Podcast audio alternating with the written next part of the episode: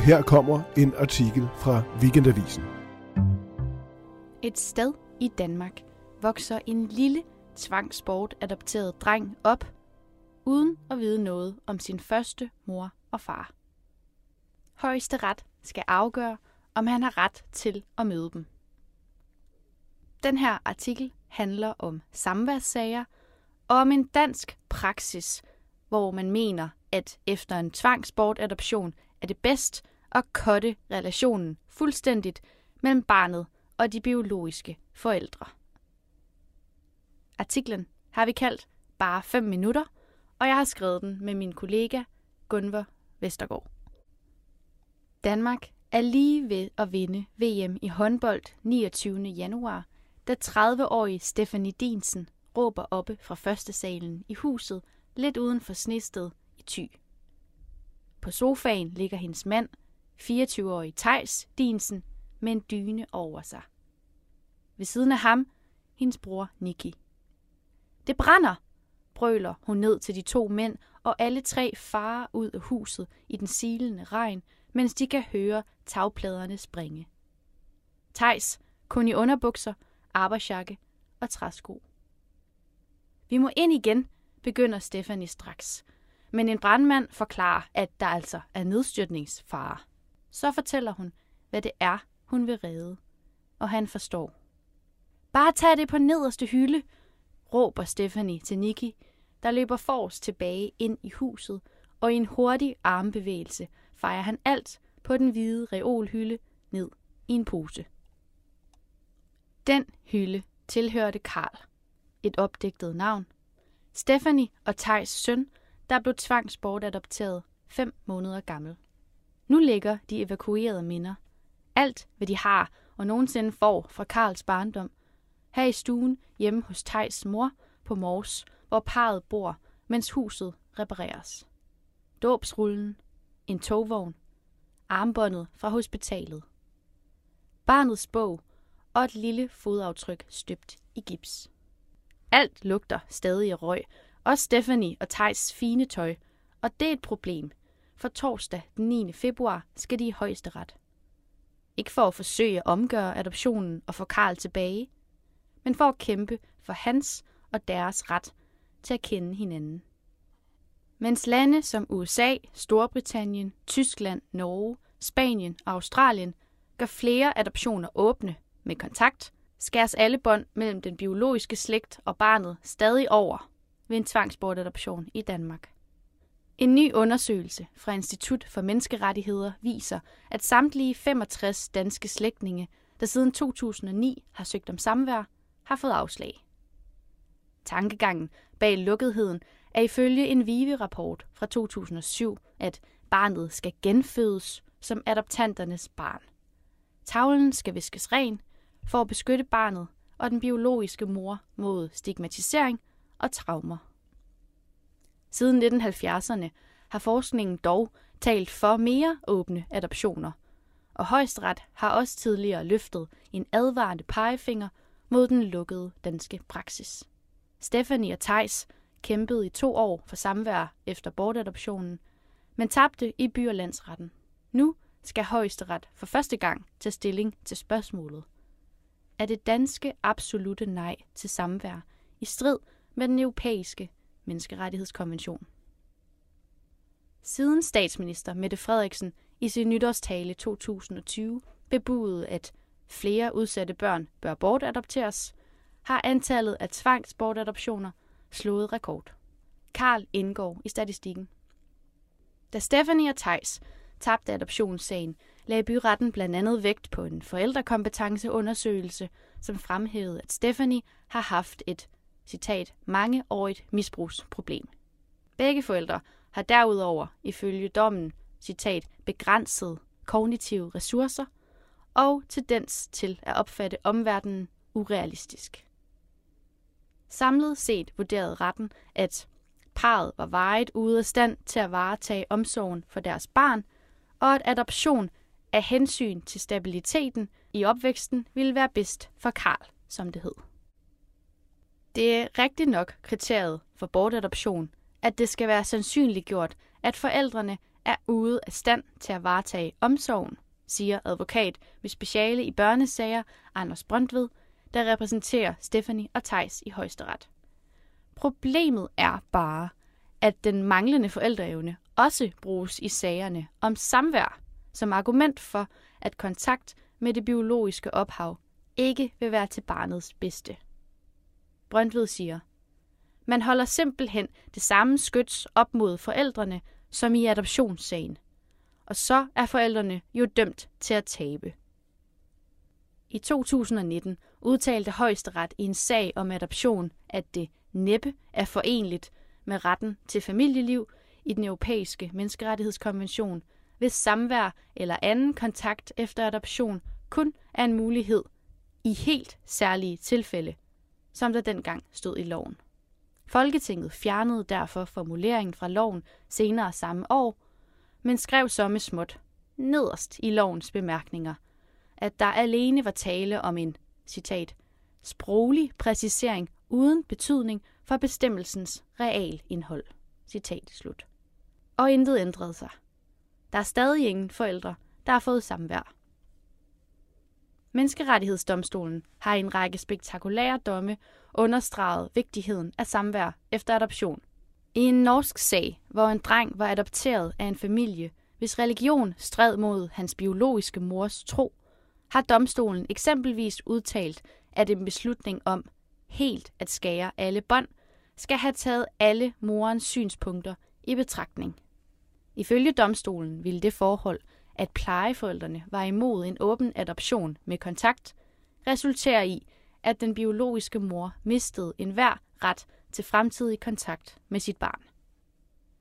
Selv i det tilfælde, hvor et barn har vågnet og grædt voldsomt og virket bange efter samvær med sin mor, har domstolen påpeget vigtigheden af samvær. Det skulle blot foregå i overvåget form. Konklusionen kan i alle sager koges ned til én overordnet begrundelse om barnets tag. Danmark har bare en anden idé om, hvad der er barnets tag. De danske sager viser, at man ser samværet som noget forstyrrende. Modsat menneskerettighedsdomstolen, siger seniorforsker Annette Faye Jacobsen, medforfatter til den nye rapport fra Institut for Menneskerettigheder. Rapporten konkluderer, at den danske samværsmodel højst sandsynligt er i strid med menneskerettens praksis.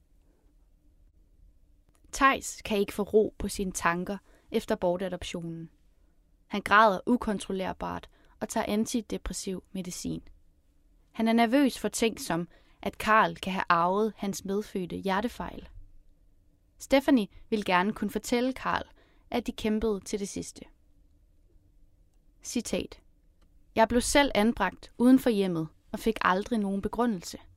Jeg følte mig så svigtet, og sådan skal min søn ikke have det, siger hun i stuen hos Tejs mor og klør sine to store legesyge gadekryds, King og Kato, bag ørerne.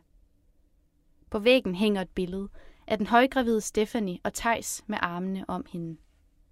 Jeg kunne ikke få øjnene fra ham, siger Tejs drømmende om de små to uger, de fik på mor-barn-hjemmet, hvor han fik at vide, at han måske kiggede for intenst på barnet. Undervejs i samtalen afbryder han flere gange for at vise billeder af babyen på mobiltelefonen. Karl iført en I Love Daddy bodystocking. Karl, der sover i sin mors favn. Karl, der er et par dage gammel, holder godt fast i sin fars skæg. Biologiske forældre bliver ofte demoniseret i adoptionssager. Men der er altid en anden historie, påpeger adoptionsforskere.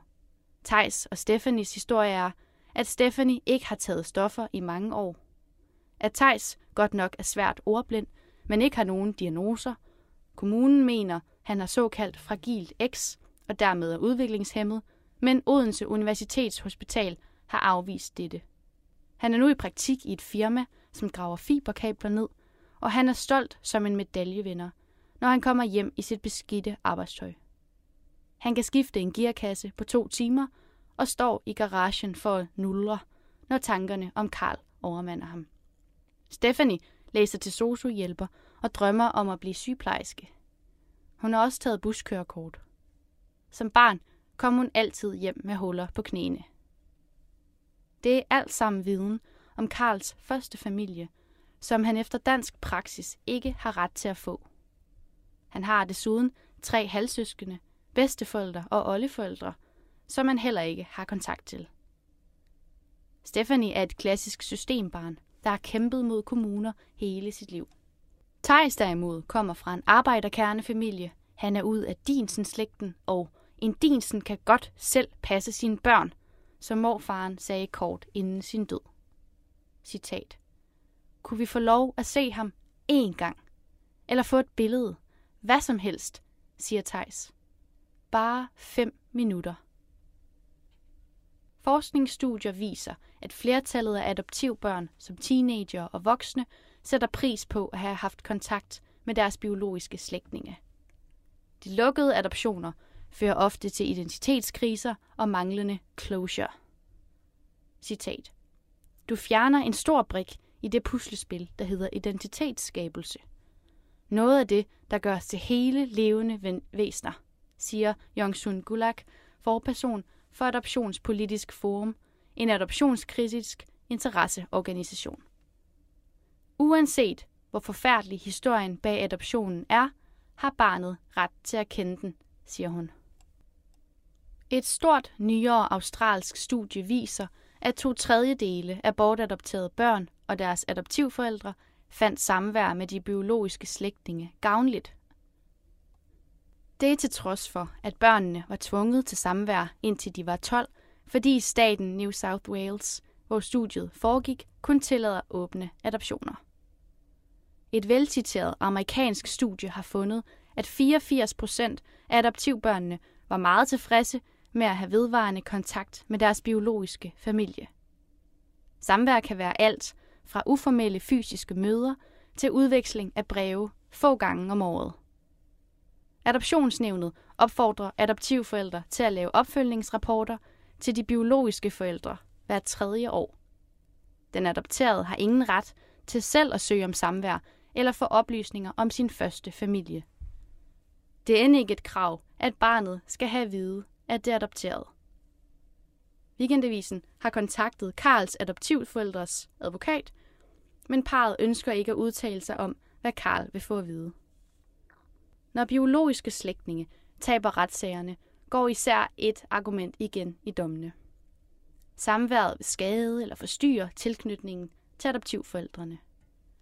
Argumentet fremføres typisk af adoptivforældrenes advokat gennem en skriftlig udtalelse fra en af Ankestyrelsens PAS-psykologer, som står for Post-Adoption Service.